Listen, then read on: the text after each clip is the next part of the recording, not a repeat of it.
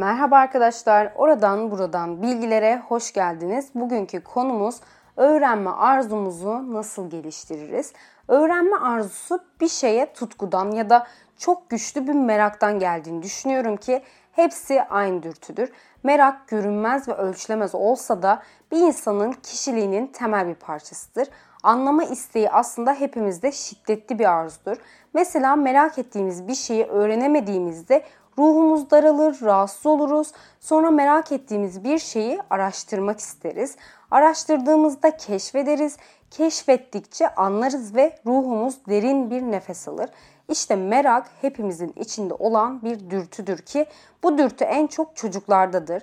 Çocuklar merak eder, sonra keşfeder ve keşfettikleri şeyleri daha fazla hatırlarlar.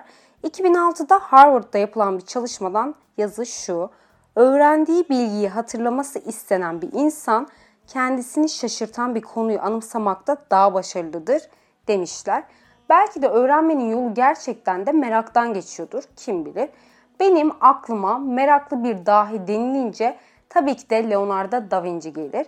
Bu adamın meraktan dolayı en az 18 tane mesleği olmuş.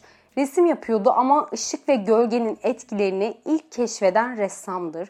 Rengin perspektifte değişkenliğini irdeledi. Gözün fiziksel yapısını inceledi.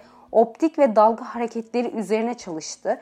Bununla da yetinmeyip hayvan ve insan bedeninin yapısını inceledi.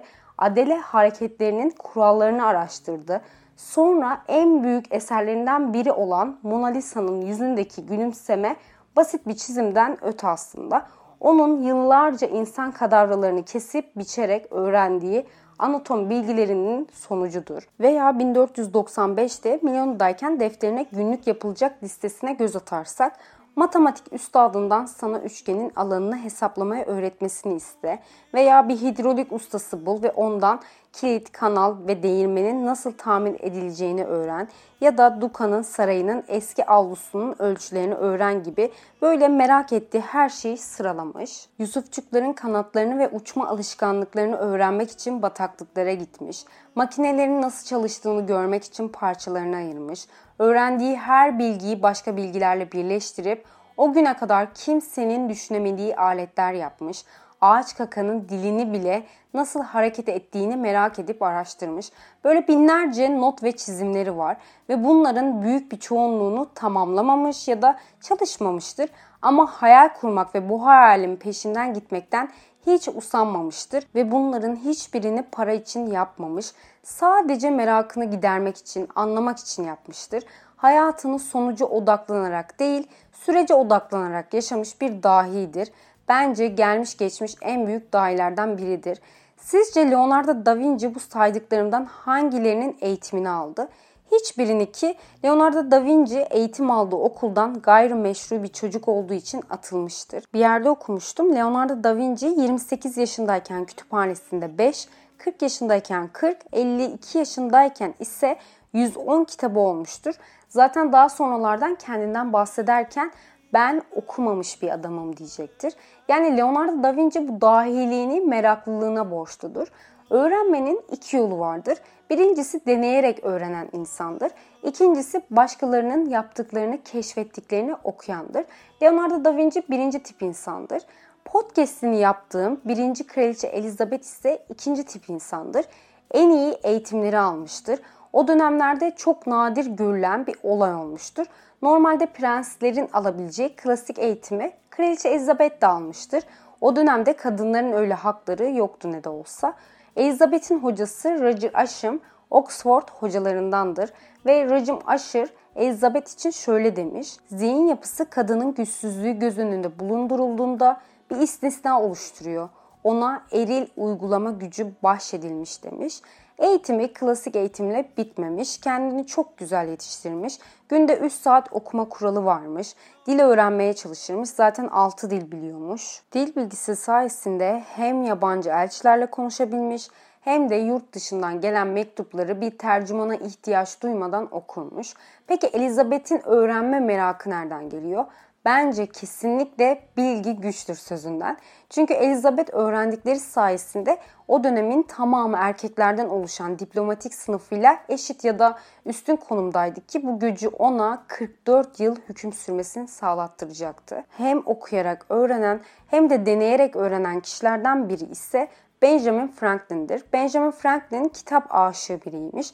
Eline geçen parayla kitaplar alıyormuş ki burada Mustafa Kemal Atatürk'ü anmazsam ayıp olur. Çocukken fakirdim. İki kuruş elime geçince bunun bir kuruşunu kitaba verirdim.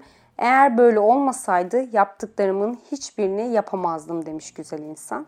Şimdi Benjamin Franklin'e geri dönersek Amerikan kolonilerindeki hem özel hem halk kütüphanelerinin en büyüklerinden birinin oluşmasına ön ayak olmuştur. Nasıl derseniz 1727'de bir araya gelebileceği 12 tüccardan oluşan bir kulüp kurmuş, Junta Kulübü. Her cuma toplaşıp ahlak, felsefe, bilim konularından konuşuyorlarmış. Ya yemin ederim böyle bir kulüp kurmak benim hayalim. Kısmet olursa bir gün böyle bir kulüp kurmak çok istiyorum. Neyse bu kulüpte zamanla 4276 kitap biriktirmiş ve kütüphaneye katkı sağlamıştır. Daha çok kitap okumak için Fransızca, İtalyanca, İspanyolca, Latince okuma becerisi kazanmış. Benjamin Franklin 42 yaşındayken diğer ilgi alanlarının peşinden gitmek için gazetecilik mesleğinden emekli olup bilimi tercih etmiş. 1746'da statik elektriğin etkilerini sergileyen gösteriye gitmiş ve Spencer'ın elektrik üreten cihazlarını satın alıp elektrik hakkında okumaya ve deney yapmaya başlamış. Bu deneylerden birini anlatmak istiyorum. 1752'de gök gürültülü sağanak yağış sırasında uçurtma uçuruyor. Yıldırım uçurtmaya çarptığında bir hat elektrik yükünü cebindeki anahtarlara taşıyor. Anahtarlar da şangırdıyor ki bu deneyi tekrarlayan Alman fizikçi Richmond elektrik akımına kapılarak ölmüştü. Benjamin Franklin gökyüzündeki yıldırım ve topraktaki elektriğin aynı olduğunu, yıldırımın yerden buluta, gökyüzünden yeryüzüne hareket ettiğini ve eter ya da sıvı değil tıpkı yer çekimi gibi bir güç olduğunu kanıtlamıştı. Bu çalışmalarından dolayı Harvard'dan fahri dereceler aldı, Nobel ödülü aldı Benjamin Franklin ölene kadar bu merakı hiç bitmemiş ve bu konumlara sırf merakından gelmiştir. Aslında burada anlatmak istediğim şey kendi kendinizi eğitin. Tabii ki de okulda bilgi alıyoruz, öğreniyoruz ama onların bize zorla dayattıkları ezber konuları biz zaman içerisinde kendi başımıza öğrenebiliyoruz. Bence okulların katabileceği en iyi şey donanımlı, kaliteli, meraklı öğretmeyi seven bir öğretmenle bizi buluşturmasıdır. Tabii bu mümkünse Einstein üniversite deneyiminde yaşadığı hayal kırıklığını şöyle açıklamış. Modern eğitim yöntemlerinin kutsal araştırma merakını hala tamamen boğmaması aslında mucizeden başka bir şey değildir.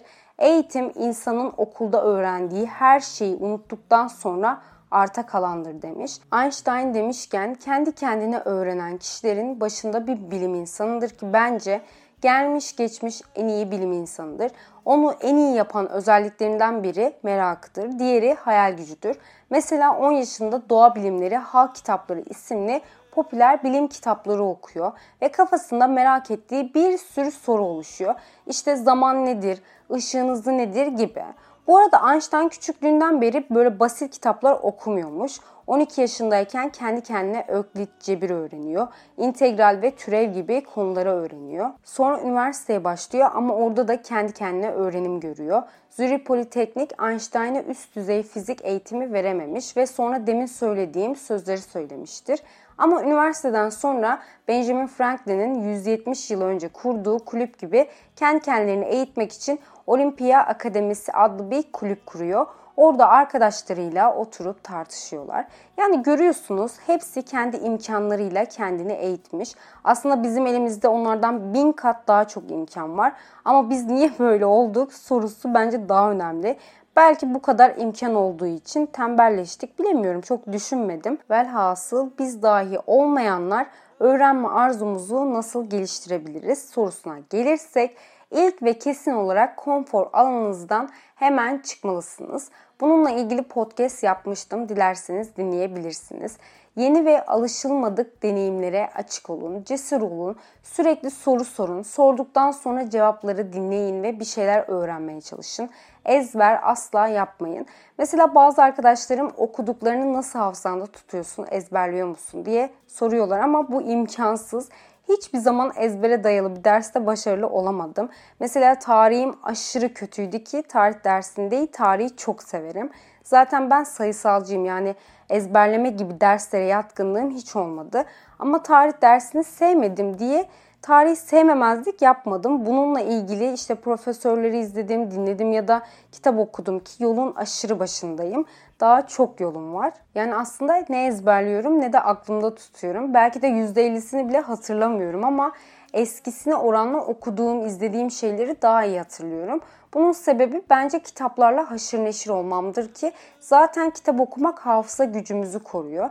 Bir de gerçekten merak ettiğim şeyleri okuyorum, izliyorum. Böyle okumak için okumuyorum. Mesela geçen bir kitap okurken orada Sümerlerle ilgili bir şey beni çok heyecanlandırdı. Ben de gittim Sümerlerle ilgili kitaplar aldım. Ya da Batı felsefe tarihini merak ediyorum. Onunla ilgili kitaplar alıp okuyorum veya belgeseller, programlar izliyorum. Bence böyle merak edip bilgi edinmem az da olsa hafızamı güçlendiriyor. Peki merak duygumuzu nasıl geliştiririz? Sürekli düşünün. Aklınızdaki soruları, ilginizi çeken şeyleri düşünün. Merakınızı ödüllendirin. Sorulara odaklanın, cevaplara değil. Düzenli iç gözlemler yapın. Leonardo da Vinci gibi merak ettiğiniz şeylerin listesini yapın.